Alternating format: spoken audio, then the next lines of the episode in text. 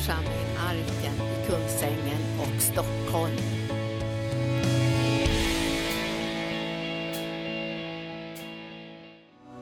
Halleluja. Ja, vi vill gärna lära känna dig mer som överflödets Gud på alla livets områden. När vi ropar till dig om helande, när vi ropar till dig om befrielse, när vi ropar till om ekonomiskt överflöd, när vi ropar till om hjälp och utvägar och råd, vishet och förstånd. Allt det här. Vi vill se ett överflödet komma ifrån dig Gud. Du är överflödets Gud och det är dig som vi lär känna och det är tillsammans med dig som vi lever och därför vill vi lära känna dig på varje område. Vi prisar dig för att du är så underbar och överflödande för att ingenting ska fattas oss. I Jesu namn och församlingen sa Halleluja. Tack så mycket lovsångare. Eh, vi har eh, eh, vi håller på att påminna oss lite grann om att sätta tro till Gud. Alltså sätta tro till Gud att han verkligen är det han, den han är och kan det han kan göra och gör de här sakerna som han har lovat. Alltså vi behöver sätta tro till Gud. När man, när man sätter tro till Gud då kommer ens tal förvandlas. Ens tankar kommer att förvandlas, ens attityder ändras och man känner liksom att det finns rum för glädje och tacksamhet och, och liksom framtidstro och sådana här saker. Och, eh, eh, vi är kallade att vara sådana människor som griper tag i det här och, och eh, har en trosattityd i förhållande till livet och verkligheten som vi möter.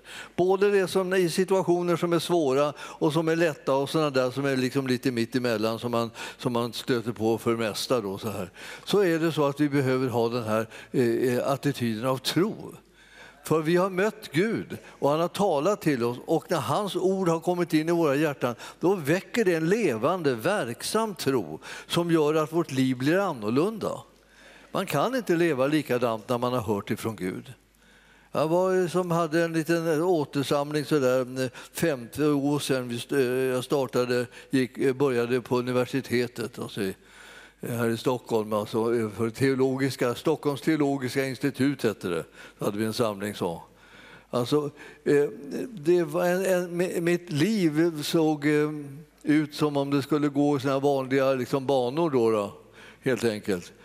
Lite trygga banor så, här. Så, så skulle jag bli präst och sen så skulle eh, jag sitta där i någon prästgård någonstans och, och ja, ja, allt skulle gå som vanligt bara runt, runt så. Det, så, så var det liksom, ända tills Gud sa något. Men när Gud sa något, då blev hela mitt liv förvandlat. Alltså jag kunde inte vara likadan längre. Han talade till mig liksom, och jag, jag, kände att det fanns inte för mig något annat att säga än ja. Jag sa ja till varenda grej som han sa till mig. Och därför så står jag här idag istället för det har varit någonting mera rumsrent. Ni förstår, alltså, att säga ja till Gud när man hör hans röst, det förvandlar den. Det ger den ett annat liv. Och jag, jag, jag måste säga jag är så tacksam över att han sa något. Annars hade jag liksom bara gått där i den där liksom uppkörda liksom banan runt, runt och runt så här och allt skulle vara som vanligt. Då. Vi gör väl som vanligt, ja det gör vi som vanligt. Så här, man höll på så där. Liksom. Man, man hade liksom årsmöten, liksom, vi gör väl som vanligt, ja vi gör som vanligt. Så körde man runt bara. Att man, blev, man blev så trött att man höll på nästan på att svimma av det. Tristessen spred sig liksom och tog liksom glädjen ur, ur benen på en. Man kände liksom att det fanns ju liksom ingenting som kunde bli annorlunda, som var intressant, utan allting bara var likadant. Gud bevare oss för det. Vi är kallade att leva spännande, härliga, utmanande liv där vi får bära frukt. Milde tid alltså. Livet ska vara kul och intressant och, och liksom oberäkneligt. Och, det, och, med Gud så blir det det. Inte för honom, men för oss. Alltså, vi kan inte riktigt ana vad han hittar på, alltid. För att det är inte alltid som man inviger oss i alla detaljer. Utan plötsligt så händer det någonting. Och plötsligt blir vi kallade att ta steg liksom på olika sätt in i det som är hans plan. Men vi vet vart vi är på väg och vi vet vem vi har att göra med. Och vi, vår trygghet är inte i vad som sker, utan vår trygghet är att vi känner honom som vi vandrar med. Och därför så vill jag säga till er att lära känna Gud på allt sätt, på alla områden, så mycket som möjligt, det är avgörande för oss. Annars så klarar vi inte av att eh, liksom, vandra med honom. Vi klarar inte av att ta stegen som han vill ta därför att vi hela tiden känner oss oroliga hur det ska gå. Men vet vi vem han är så kommer vi att våga ta vilka steg som helst och vi kommer att kunna göra vad helst han talar till oss om och vi kommer att kunna bli övervinnande i situationerna istället för sådana som bara ger upp och tänker det här är hopplöst, det här är omöjligt och så bara lägger man sig ner liksom och tänker så här, man får väl dö. Men eh, pytsan, det gör man inte om man kopplar ihop med den Gud som jag känner och den som du känner. Han är, han är mäktig att rädda oss och bevara oss i alla livets förhållanden. Han, när vi räknar med honom liksom, då får vi tro så att det lyfter lite grann så att vi kan leva lite ett övernaturligt liv. Han vill att vi ska göra massa saker som sätter spår i tillvaron och inte bara liksom springa igenom liksom, och springa från, eh, liksom, eh, från A till Ö liksom, och eh, så, så, och, så, så, så sakta, liksom trygg lunk som möjligt. Utan, utan vi ska, vi ska vi ska sätta djupa spår. Från när, jag, när jag var liten så berättade min farmor ofta för mig liksom hur, hur, hur äventyrligt det var att åka ut med häst och, eller, häst och mulåsna var det väl, och vagn i Kina. Och så åkte man på sådana områden där det var lössjord. Och då försvann eh, alltså, vägarna djupt ner. Alltså man åkte och så satte man spår och så åkte nästa och satte spår och satte spår. Till slut så såg man inte var vägen gick liksom på lite avstånd. Men så gick man framåt och plötsligt så var det ett stup ner och där djupt där nere gick det vägen. Så att man har kört så många gånger så att vägen hade sjunkit, sjunkit, sjunkit genom den här lösjorden.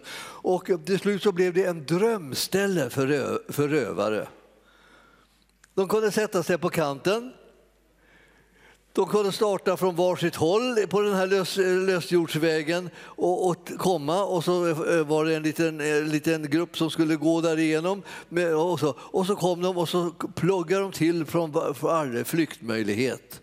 Och så satt de där uppe med sina eh, gevär och, liksom och siktade ner på gruppen som de hade trängt ihop inne i lösjordsvägen. Och så hade de dem fångade som en liten ask.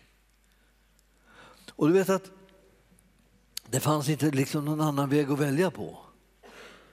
Och då, då, då, man, då måste man be till Gud att han liksom höll vägen öppen.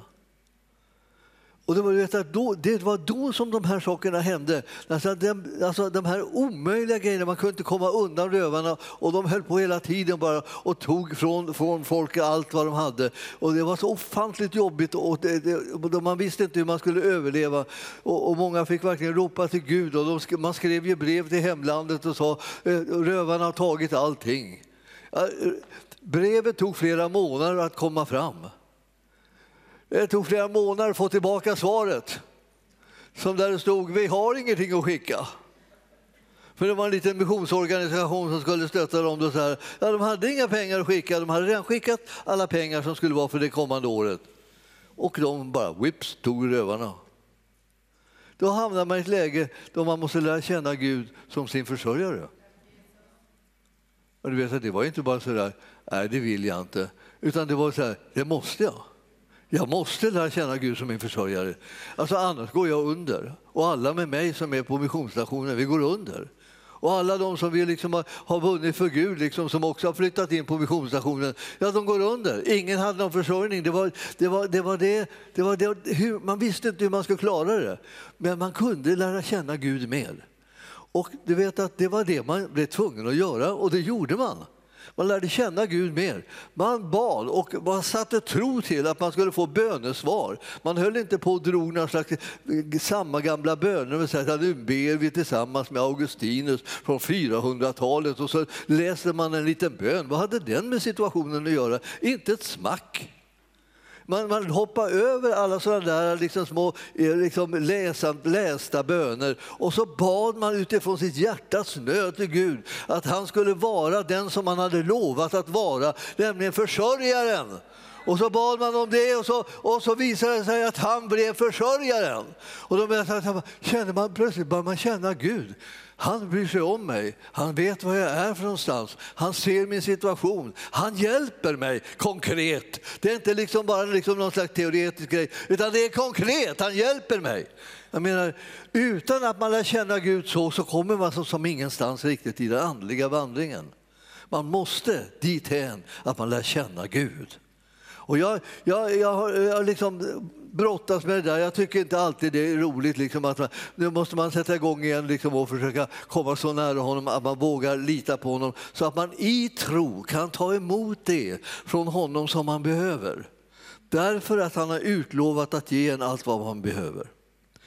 Och så, eh, så, eh, så, tar man reda på vad han har lovat och så håller man på det och bekänner sig till det och läser det och proklamerar det att det gäller för ens liv. Man vet att man är en arvinge, man vet att man har rättigheter, man vet att man har gåvor utlovade till den som tror det och man är en troende. Och så håller man på tills liksom tron växer så stark och blir mottagande.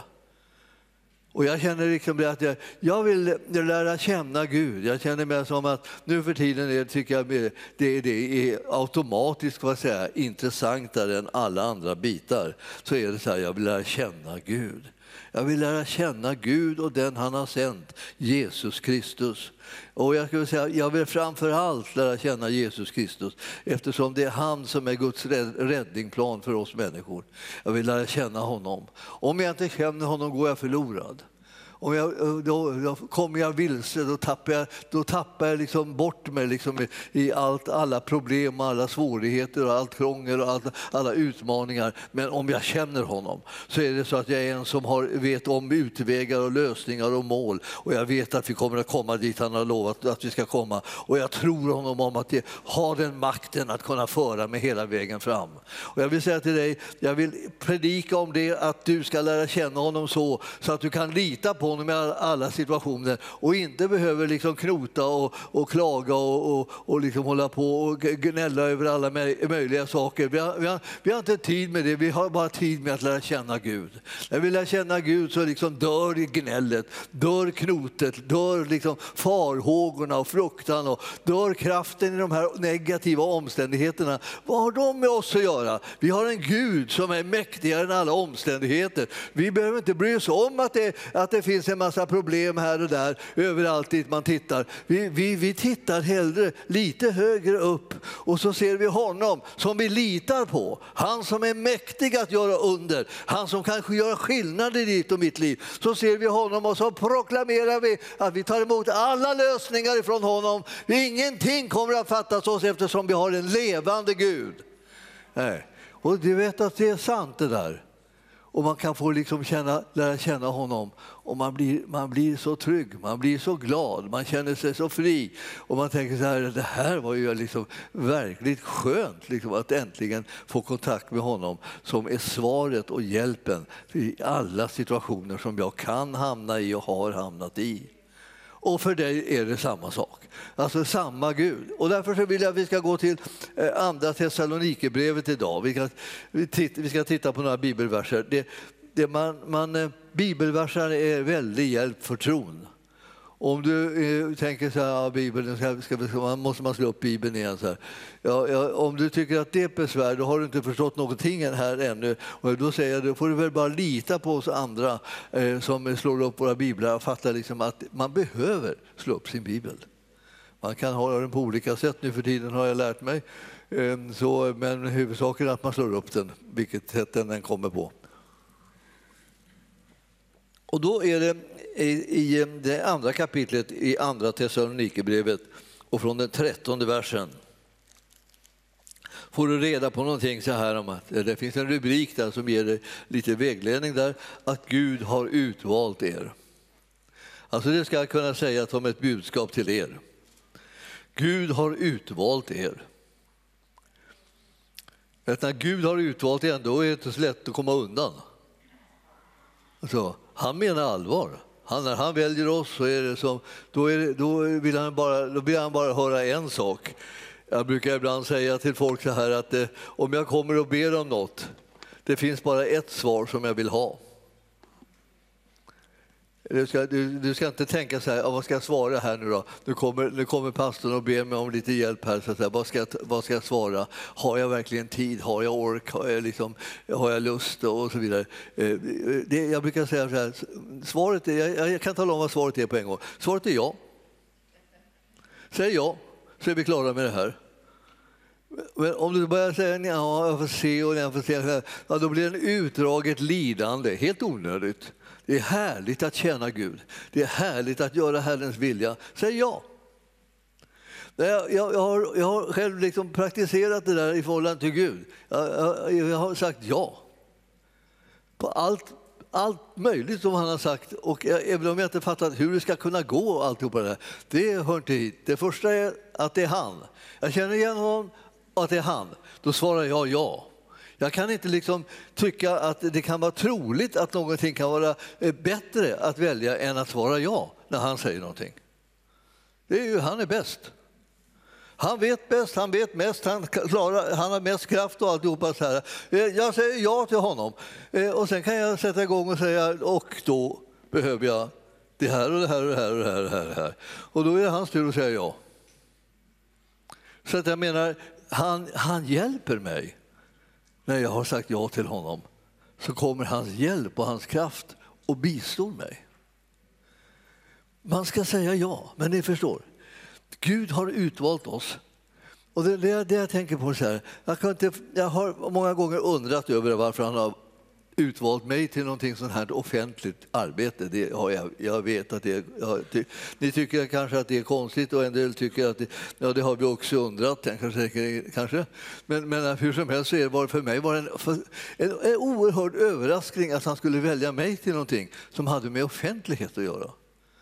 Eftersom det var det som jag hade svårast för när jag växte upp. Och liksom, gick i skolan och alltihopa. Det var jättesvårt med alla offentliga saker. Så det var jag liksom säker på att jag inte skulle ägna mig åt. Men, men Gud var säker på något annat och jag kände igen hans röst. Så därför gick jag och sa ja till sånt som jag absolut inte ville. Ja, därför att han ville det. Så att jag sa ja och eh, han var nöjd och jag var förskräckt. Alltså, vi hade verkligen två olika reaktioner på situationen. Liksom så.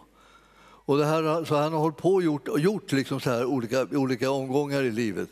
Har det varit så här? Därför alltså att eh, eh, jag har sagt de här jana och till exempel tillsammans med Linda, ofta liksom, när vi, sedan vi har gift oss så sa vi ja tillsammans till, till olika saker som Gud kallar oss till. Alltså, därför så finns det här arken. Och därför är vi församlade här tillsammans i en, i en församling. Och, och därför kan vi ha gäster som är och besöker oss. Och, och, och därför så liksom sitter vi på stolar och jag kommer ihåg hur vi skulle köpa in de här stolarna. Vi har köpt dem från Amerika förresten. Eh, Sen sitter på amerikanska stolar. Om ni tror att det är någon skillnad. Men liksom, det var liksom, vi, vi, vi sökte efter stolar överallt och så köpte en massor med stolar. Det här var ju sån här, lokalerna var ju, var, var ju stora liksom och, eh, och vi köpte stolar för framtiden också. Och vi håller på fortfarande, liksom, har inte riktigt intagit framtiden för att framtiden skulle ju fortsätta där och, och in bakom där och uppe på läktarna här och där. Och så. Det ligger framtiden liksom fortfarande där och väntar på oss. Vi ska fylla liksom eh, de platserna. Men alltså, eh, man måste ta steg som, eh, där man banar väg för det, att det som är ens tro, tro och trosmål ska kunna bli verklighet. Så jag, när, när jag tänker nu, nu börjar jag tala om att det, Gud har ju faktiskt sagt att vi, han har utvalt oss. Och då står det så här, 13 versen. Vi är skyldiga att alltid tacka Gud för er bröder, eh, Herrens älskade, eftersom Gud från begynnelsen har utvalt er till att bli frälsta genom att Anden helgar er och ni tror på sanningen. Alltså, det här är liksom vägen som ni har hamnat eh, på då, och gått. Ni Herrens älskade, alltså, ni som är bröder, alltså syskon i Herren så att säga. Och eh, det, Gud har från begynnelsen utvalt er till att bli frälsta. Så han har bestämt att ni ska bli frälsta och ni har gensvarat till det till alla, förmodligen de allra flesta eh, hittills. Då, då Och snart kommer allihopa att ha gensvarat till det här att bli frälst. För eftersom man säger till Jesus, Jesus kom in i mitt hjärta och fräls mig, förlåt mig mina synder. Då gör han det.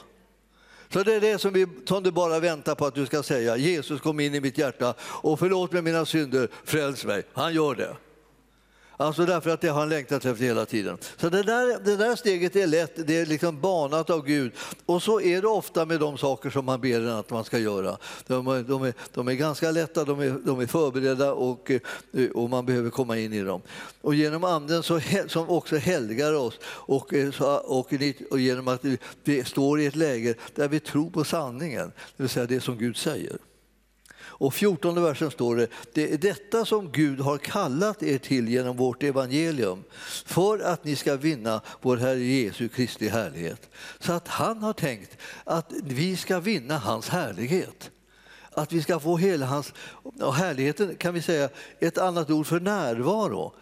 Närvaro och kraft ska komma över oss och bli vår. Det är det som är målet med det här. Därför det är den vi ska vinna. Och det, det, gör vi också, står det. Att eh, Gud han har kallat oss genom evangeliet så att det här ska ske.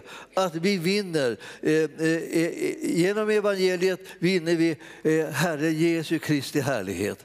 Hans närvaro.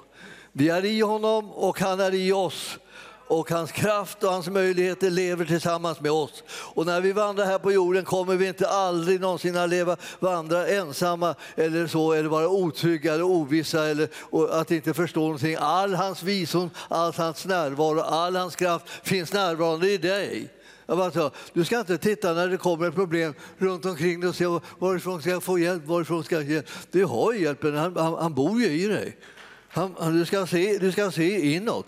Du ska förstå att du är i han. Du har liksom allt skydd som du behöver. Du kan, du kan liksom komma på en trygghet där som gör att hela ditt liv blir annorlunda. Istället för att du liksom vimsar omkring och försöker leta efter lösningar så är han, den lösningen som han är finns redan i dig så att du har all hjälp närvarande. Och så står det, så eh, stå alltså fasta och håll er till de lärdomar som ni har fått muntligt eller genom brev. Och nu, nu kommer en, liksom en utmaning här. Stå fasta genom att hålla er till det som ni har hört eller det som har skrivits till er. Vem, har, vem är det som har sagt någonting till er om det här och vem är det som har skrivit någonting? Ja, ni förstår ju av det, det liksom att eh, det, eh, det, är Gud naturligtvis som har talat till er, men det har vi redan talat om. Det andra är som han talat till om, det är, det är era, era ledare som har talat till er och era ledare som eventuellt har skrivit brev till er och sagt påminner så här och så här är det. Tänk på de här sakerna. Så här har Herren sagt och det här har Herren gjort och så här ligger det till. Och ni behöver ha förtroende för era ledare. Annars blir det liksom lite, lite eh, eh, så att säga, vingligt i tillvaron. Och man, be, man kan tänka sig, ja men det vet man inte, hur är det med dem? Ja men du behöver lära känna dem också. Man lär känna dem genom vad de säger och vad de gör. Och det, där kan man se liksom eh, vad, vilka de är. Men då kan man börja stå fast. Och då, det är genom att man håller sig till de lärdomar som man har fått. Man har fått lära sig saker och ting, man har fått kunskap om det. Man har fått liksom insikter i Guds ord och i Guds, om, om kunskap om Gud. Alltså, och då står det så här att, att eh, det, man har fått det både muntligt och genom, genom brev.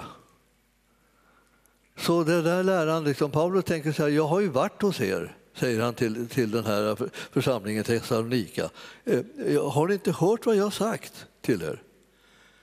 Har ni, inte, har ni inte läst breven som jag har skrivit till er så att ni minns hur jag, vilka råd jag har gett er i den situation som ni nu har kommit till? Och så lära känna Gud. Ni måste komma honom närmare. Ni måste vara övertygade om att han är mäktig att göra allt det som han har lovat er. Det är inte liksom, liksom eh, man får väl tro vad man vill. Det får man väl inte alls. Den kristna tron är inte att tro vad du vill, utan det är att tro vad Herren vill att du ska tro på. Därför han har sagt vad vi ska tro på och han har sagt vem vi ska tro på. Och det här kommer då alla lärare liksom som är, eh, undervisar i evangelium och säger ni ska tro på Jesus, liksom. ni ska tro på den Gud som har sänt sin son, ni ska tro på det som har uppenbarat genom honom och vad han har gjort. Så att det är liksom ganska bestämt vad det är vi ska tro på. Det är, det är liksom inte tro vad du vill, utan då, då är, befinner du dig i en annan värld. Men när du befinner dig i Guds rike så är det tro vad Herren vill att du ska tro på.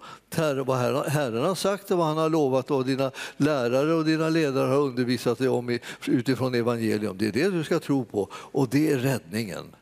För att i situationer av svårigheter och nöd så kommer du inte bli besegrad av det utan du kommer hitta utvägen. Och vi har en Gud som bereder en utväg. Det är vad vi har. Så att om du tänker på problemet så tycker du kanske att det är svårt just nu och du ser inte någon utväg. Men det gör han. Och därför så behöver du komma så nära honom så att du uppfattar vilken utväg han har berett för dig. Vilken lösning som han har gett dig. Och han har tänkt på dig och han har planlagt för dig för att du verkligen ska hitta den här rätta utvägen. Så du får inte liksom hoppa över honom eller hoppa över den hjälp som han ger dig utan du ska ta den till dig och, liksom, och räkna med den och förstå att det här är vägen som han bereder nu. Och då står det här så här, må Herren Jesus Kristus själv, står i 16 versen. Gud, vår Fader, som har älskat oss och i sin nåd gett oss evig tröst och gott hopp, uppmuntra era hjärtan och styrka eh, er till allt gott i ord och gärning. Ser ni? Låter lite hoppfullt där. Det är någonting som håller på att ordna sig. Gud har liksom planerat för det. Han säger liksom att här, här, här griper han in. Han tänker ge oss liksom, eh, så, eh, på grund av sin kärlek till oss nåd och så ger han evig tröst och gott hopp. Alltså när man både får evig tröst och gott hopp, då mår man rätt bra kan jag tala om. Eh, om, om ni undrar hur man mår då, så vill jag säga man mår bra. Man mår bra. Alltså, fantastiskt liksom att få det här. Och sen uppmuntrar, eh, så uppmuntras våra hjärtan och, så, och eh, får man styrka eh, till allt gott i ord och gärning. Det vill säga att han ger oss en sån input i livet och en sån härlighet genom det här mötet som vi får med honom. Att vi kommer att kunna leva ut det här både i ord och gärning, det evangelium och den härliga kallelse som Herren har på vårt liv. Det kommer att bli synligt. Det kommer bli märkbart. Vi kommer att ha kraft att göra det. Och många gånger tänker folk att ja, vi vet inte om vi orkar. Det är så mycket, man orkar inte riktigt. Alltså. Man orkar inte. Men du vet att det är Herren som orkar och du behöver liksom hela tiden liksom påminna dig det. Han orkar därför att han vill vara din kraft. Han vill vara din styrka. Och eh, du som har sådana attacker på, det, på, din kropp och, och, på ditt sinne och sånt där och plågas av att inte ha någon ork kvar. Jag ska säga det, jag, eh, det, här är inte, eh, det här är inte en predikan som handlar om att på något sätt liksom det, se ner på dig för att du är trött eller sliten. Utan det här är en predikan som säger fäst blicken vid det som Gud åstadkommer och inte vid det som fienden gör. Man behöver fästa blicken på Herrens lösningar, på Herrens väsen, på Herrens kärlek, på Herrens godhet till en för att man ska se hur har han berett en utväg och en lösning för mig. Och vi måste alla liksom lära oss det när vi kommer in i svårigheter, när vi kommer in i lidande, när vi kommer in där det är besvikelser och, och man känner så här, åh, och saker blir inte som man har tänkt och, och folk gör inte som man vill och, och vad det, allt vad det är för någonting. Mitt i allt det här så är det så att om du fäster blicken på Herren så kommer du samtidigt att se, ungefär som vid, vid sidan om så här, alltså man fokuserar någonstans så har man ett sidoseende. Liksom, att även om det sätter igång och rör sig någonting där vid sidan, fast när jag tittar där så, så, så, så fångar jag upp den här rörelsen och vet att det är någonting på gång.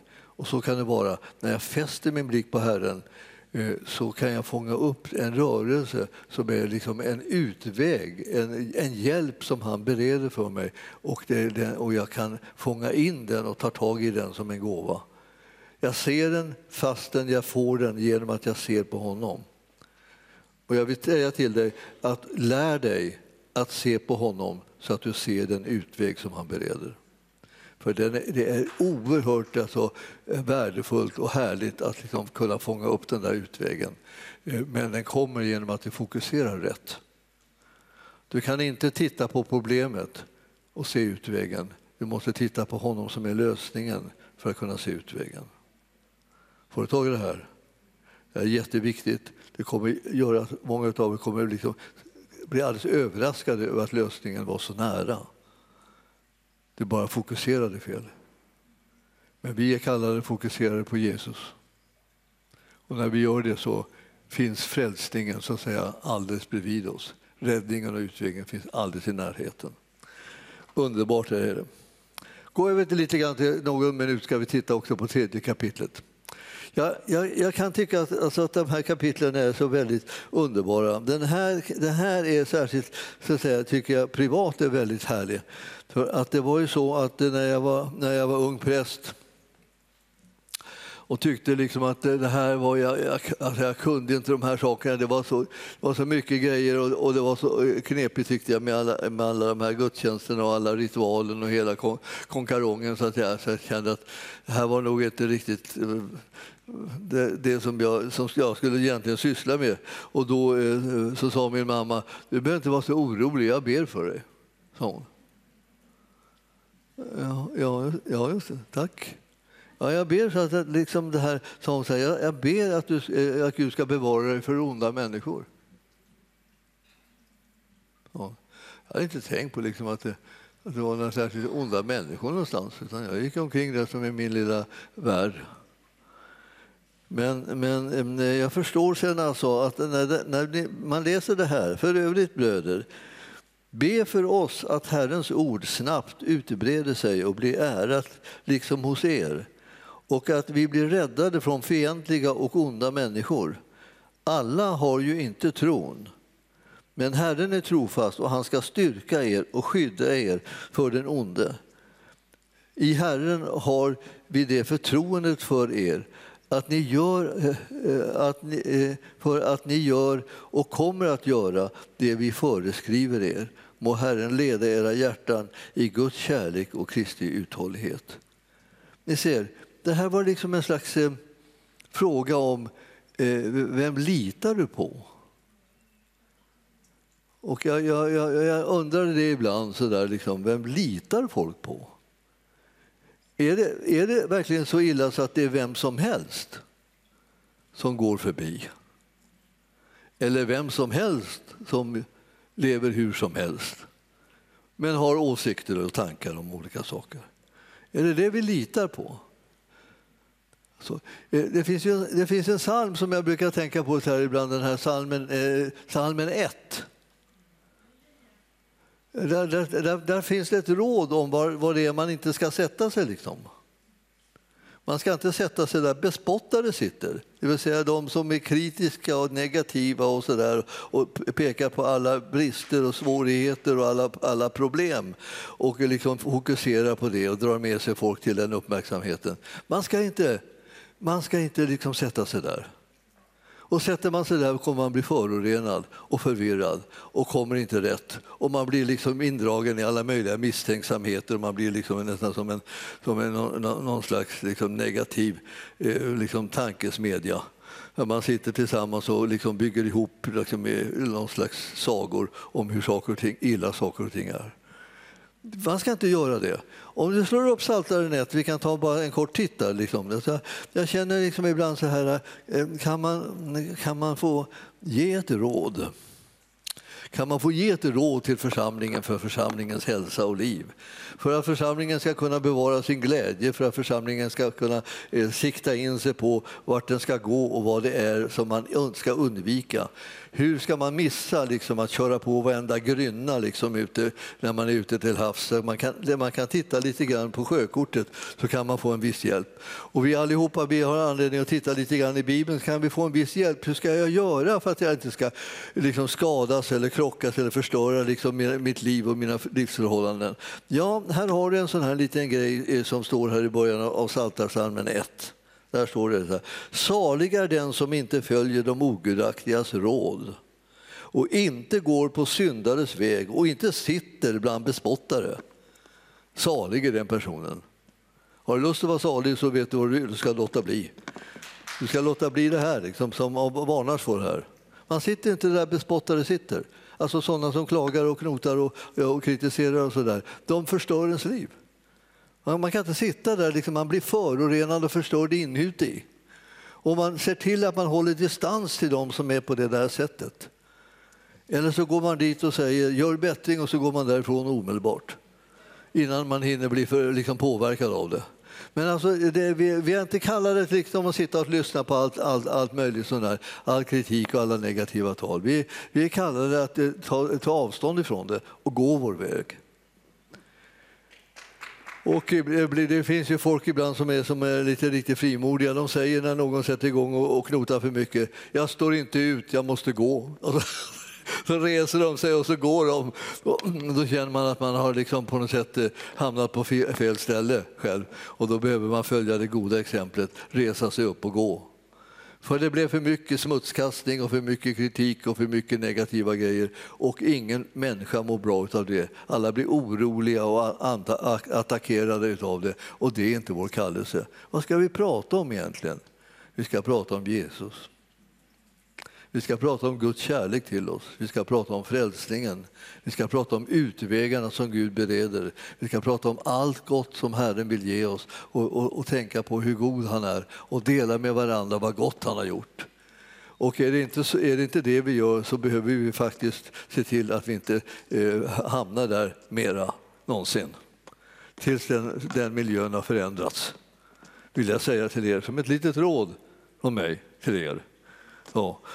Då så här, salig är den personen alltså. Utan, den här personen ska utan, ha sin glädje i Herrens undervisning. Och eh, han ska begrunda hans ord dag och natt. Ni förstår, man kan bli ofantligt glad om man håller på det här. Begrunda Herrens ord dag och natt. Alltså, det, då kommer man nästan inte undan glädjen i den här tillvaron. Man, kan bli helt, man blir helt konstig. Liksom. Därför, varför är man inte nedtryckt och, liksom, och, och förstörd och uppgiven? Därför har man begrundat Herrens ord dag och natt. Ja, det, det, det ger en glädje. Jag har haft sådana där perioder då jag, då jag har liksom begrundat Herrens ord så till en milda grad att eh, omgivningen trodde att jag hade fått en knäpp. Alltså därför att jag var glad när alla andra var bekymrade. Och varför kunde jag vara glad när de var bekymrade? Jag hade begrundat Herrens ord och det hade inte de. Jag hade räknat med Gud och det hade inte de. Och därför så fick vi två, liksom två olika världar att leva i och, och, och i min fanns det rum för glädje. Och så kan man bli sånt här träd som är planterat vid vattenbäckar som bär sin frukt i rätt tid och vars blad inte vissnar. Och allt vad man gör då lyckas väl. Det där ni, är liksom ett liv som attraherar mig och som jag skulle vilja önska och bedja för att det, det ska bli något som attraherar er också.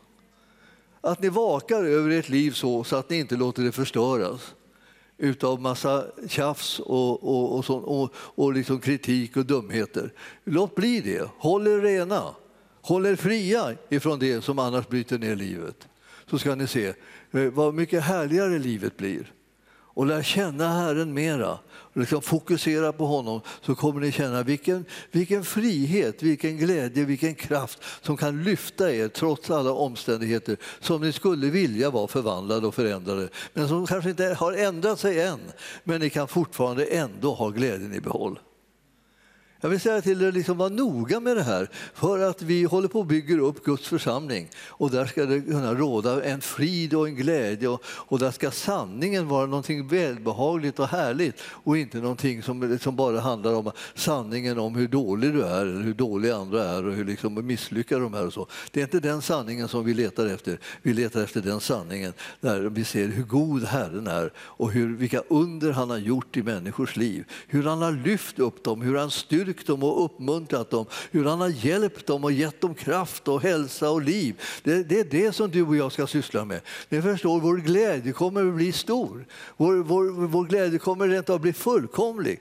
Och där var, jag kände att jag var så, åh vad härligt, jag tänkte det, det är som en, en, en, en, en, en helt ny värld. Och det är den världen som du och jag kallar till, vi kallar för Guds rike. Vi har, vi har lämnat mörkrets rike och kommit in i den älskade Sonens rike. In i Guds rike, in i ljusets rike har du och jag kommit. Och det är där som vi börjar kanske med att tvätta tungan. I, i, i Jakobs brev finns det ju liksom ett, ett särskilt bra, bra ord som handlar om hur, hur man ska använda sin tunga. Man, man, man, bör tänka på att den har en väldig kraft väldigt destruktiv kraft. Men å andra sidan har den också en väldigt välsignande, härlig kraft som kan rena och hjälpa och förvandla människors liv genom att man börjar tala gott och, och tala ut välsignelser över människor istället för förbannelser. Vi är ett folk som har makt att göra skillnad. Och vi behöver vara noggranna med vad det blir för skillnad som vi gör. Vi, säger vi står i Herrens tjänst och inte i mörkrets eller världens tjänst. Därför talar vi välsignelse istället för förbannelse. Därför talar vi om ljuset och glädjen istället för om mörkret och, och sorgen och eländet och det omöjliga.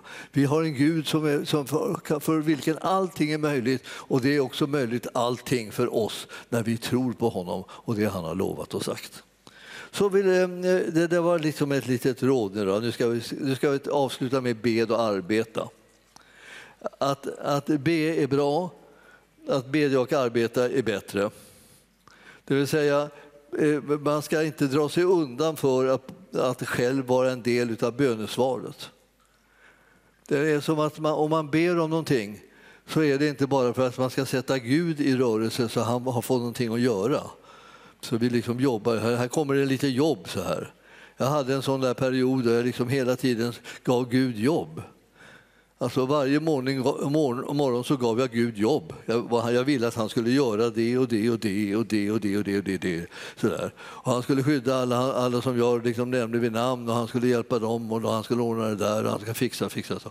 Ja, och sen så på kvällen så, liksom så skulle han rapportera då vad han hade, vad han hade blivit, vad det blivit, vad han gjort under dagen så här och vad, och vad är bönesvaren, liksom, vad är bönesvaren på det här och så här. Alltså, jag missförstod hela min roll kan vi säga i vår relation. Alltså det var ju så att om jag ber honom om någonting eh, så, så kan han mycket väl svara ja, men ja innebär alltid att jag är med någonstans. Han drar in mig i, i att vara bönesvar också. Så det där med sådd och skörd, ni vet, det är ett sånt exempel på det. Alltså, eh, det är inte bara så att man sår eh, och, så, och sen skördar man och så det var liksom hela, hela historien. Eller att man säger att det är Gud, han ger skörden och liksom alltihopa det här. Och, och om man, vad man sår och hur mycket man sår spelar ingen roll. Det gör det visst det. För det är liksom, om, du, om du sår rikligt så kommer du få en riklig välsignelse. Det kommer liksom bli en, en slags eh, proportionerlig grej där som gör att du, du, du sår ordentligt och Herren kan göra någonting ordentligt för, det, för din räkning. Men om du sätter igång och sår väldigt snålt så kommer det du får skörda också bli ganska begränsat. Så han vill ha dig med. Vågar du lita på att han är den som ger en riklig skörd? Eller är det så att du egentligen inte tror på det så du vågar bara slänga ut lite grann? Och sen ha resten kvar. För om, man inte, om du inte skulle få bönesvar så har du i alla fall någonting att äta. Men du förstår att det här, Gud vill att vi ska vara med i den här rörelsen. Man ska bedja och arbeta, man ska vara på, på väg in i det som han vill göra. Om, om, om, vi vill att någon ska bli botad då ska vi vara där med våra händer och, och vår olja och smörja och bedja för dem också. För vi ska vara involverade i själva, eh, själva saken även om det är Gud som ger själva helandet. Här stod det liksom att, att, man, skulle, att man kunde bedja för folk att de skulle få, få, få, få bli räddade från fiender och onda människor. Och jag hade många förebedjare, jag har nämnt det. liksom. Men alla mina förebedjare har gått hem till himlen. Jag vet inte riktigt exakt om hur de, hur de, hur de gör där. Alltså de där som var kända, de som stod liksom på och bad hela tiden. Men jag har nog såna sådana nu också, en del. Men så jag ska väl säga det, om ni, om ni vill göra någonting för era, era ledare, liksom, så bed för dem. Inte uppfostrande böner så att ni ska skicka Gud på dem så att säga, för att han ska få ordning på dem. Eller någonting sådär. De bönerna kan ni skippa. Be, be välsignelse och beskydd över dem. Be, be, om framgång för det som de gör i Guds rike. Den, den kallelse, det uppdrag som de har fått av Herren. Be om beskydd så att de känner glädje i arbetet. Så kommer ni se vilka bra ledare ni kommer att få. Alltså om ni ser till att era ledare liksom genom era böner och era välsignelser eh, mår bra så kommer ni också snart må bra därför att ni får sådana bra ledare. Så att, eh, men fostra dem inte i bön, för det, är liksom, eh, det, det blir så småningom att ni börjar bli mer och mer arga på dem. För att de inte förvandlas tillräckligt fort när ni har bett om att de ska bli förvandlade på olika områden. Det kan bli riktigt pressat liksom, varför de inte ändrar sig tillräckligt. Hör de inte liksom att, eh, eh, att, att, att Gud vill ändra på dem? Du, du har ju bett om det. Nej, men det, det, där tror jag vi, vi, får lämna, vi får lämna åt Gud alltsammans och så får ni och sätta tro till att han är mäktig att göra det som är rätt för de här så att de kan fungera i sin tjänst. Herren är trofast, står det i tredje versen där. Han ska styrka er och skydda er för det onda och det är för underbart. Och i Herren eh, har vi det förtroendet för er att ni gör och kommer att göra det som vi föreskriver er.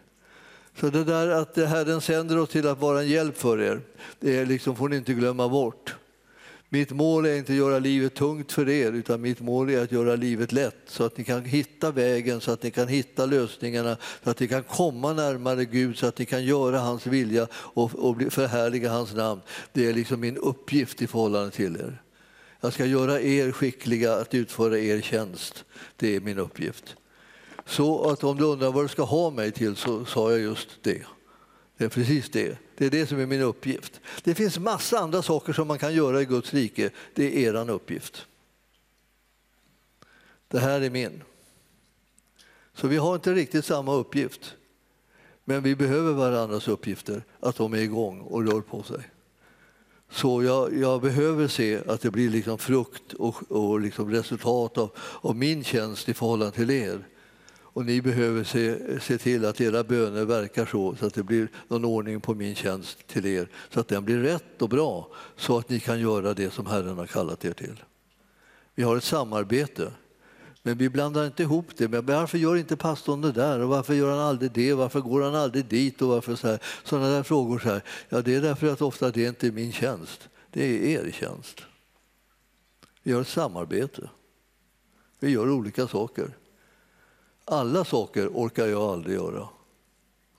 Men jag, jag, med era böner och med er hjälp så orkar jag göra det som är min uppgift. Och ni orkar göra det som är er uppgift om jag betjänar er på rätt sätt och styrker er i den uppgiften så att ni kan genomföra den och fullborda ert lopp. Så vi sitter här med varandra och behöver varandra. Kom ihåg det, det är ingen dålig sak, det är en väldig välsignelse att upptäcka att man behöver varandra.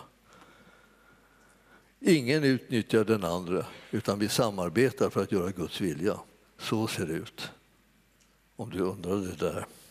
Ibland hör jag liksom att eh, någon är rädd för att den blir utnyttjad för att den gör någonting i Guds rike. Det, det, så tänker vi aldrig. Vi tänker att vi tjänar Gud tillsammans. Och vi gör det med glädje. Må Herren leda era hjärtan in i Guds kärlek och i Kristi uthållighet. Så eh, är, får du avsluta med de orden och säga till er alltså, vi, vi har en fantastisk möjlighet att göra gott, att välsigna, att bli till välsignelse, att låta Guds rike och Guds församling som är här i arken växa och utvecklas så att den verkligen kan göra allt det här som Herren har tänkt att vi ska göra. Han har underbara planer för oss och för alla de människor som vi har kontakt med på olika sätt genom arken. Och vi vill gärna vara liksom i, i, vad säger, i gott skick så att vi kan göra det som vi har blivit kallade till.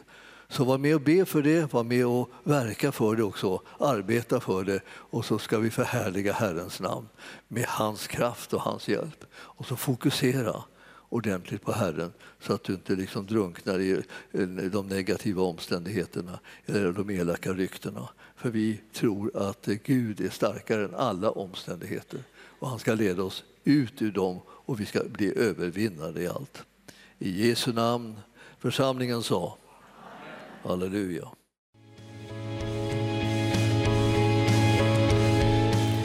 Tack för att du har lyssnat.